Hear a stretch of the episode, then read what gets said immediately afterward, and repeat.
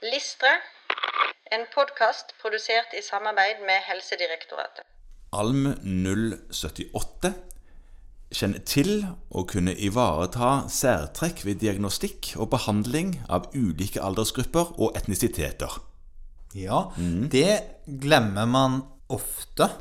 At alle sykdommer er ikke likt fordelt i alle verdens befolkninger. Og i alle aldersgrupper. Nei. Det er kanskje litt lettere å huske, men eh, normalitetsbegrepet endrer seg med alder. Absolutt. Mm. Eh, Dette kjenner man etter hvert til f.eks. ved en sånn type risikokalkulator som Norisk. Absolutt. Der man ser hva som er normalt og forventa av dødelighet. Det er Mm. noe helt forskjellig alt etter hvor gammel du er. Ja, og hvor stor risiko en viss profil innehar for eh, fremtidig sykelighet og død, endrer seg med alder. Med andre ord så skal du være god på epidemiologi. I Fordi alle at- fall skal du vite mer om ordet enn å stave det.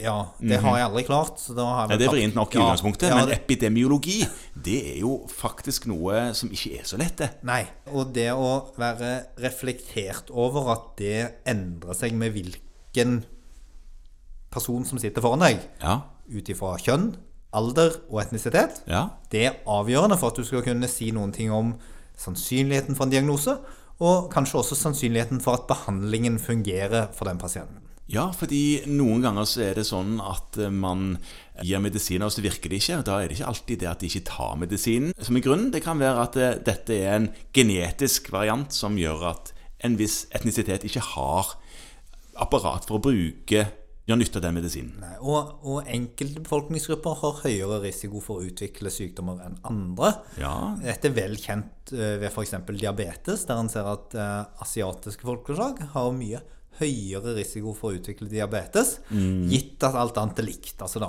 BMI og kosthold og aktivitet osv. Så er det en kreftsykdommer i Asia som plutselig ikke er der hvis den samme asiateren flytter til f.eks. USA. Ja. Som har med kosthold å gjøre, f.eks. For eksempel. Sånn at det å ha klart for seg at ulike sykdommer forekommer forskjellig i ulike grupper, Ja, det er viktig for at man skal kunne treffe mer presist. og behandle mer presist. Og ikke minst forebygge mer presist. Absolutt. Sånn at hvis du har noen som har høy risiko for å utvikle en spesiell sykdom pga. sine karakteristika, så må du kunne si gode råd ut ifra hvem det er som sitter foran deg. Og individtilpasse dette. Og dette er jo igjen sånn man som fastlege har anledning til å jobbe fordi vi blir kjent med den vi har foran oss. Ikke sant? Nå er det ikke Man trenger ikke bli kjent for å se hvilken etnisitet man har i stolen foran seg, men allikevel Det kan være vanskelig noen ganger, Morten. det, det er for så vidt sant, men erfaringen du har med de enkelte, gjør at du etter hvert blir stødigere på den type navigering. Hvor, hvor er læringsarenaene her? Absolutt. Eh, For det første så er det emnekurs, der man lærer om de forskjellige sykdommene. eh, Ja, ja, ja. og Hvordan de faktisk eh, rammer ulike befolkningsgrupper. Ja, epidemiologien? Ja, Mhm. eh, og så skal det tas i gruppeveiledningen. Og så er det sånn at den også lister andre allmennmedisinske oppgaver her. Og det er interessant, Ja. eh, fordi den sier noen ting om at du da skal få sett hele livet. F.eks. at du kan gå på helsestasjon Ja, eller på sykehjem ja og visst. se at epidemiologien og mm, forekomsten av ulike tilstander og sykdommer er forskjellig i de forskjellige gruppene.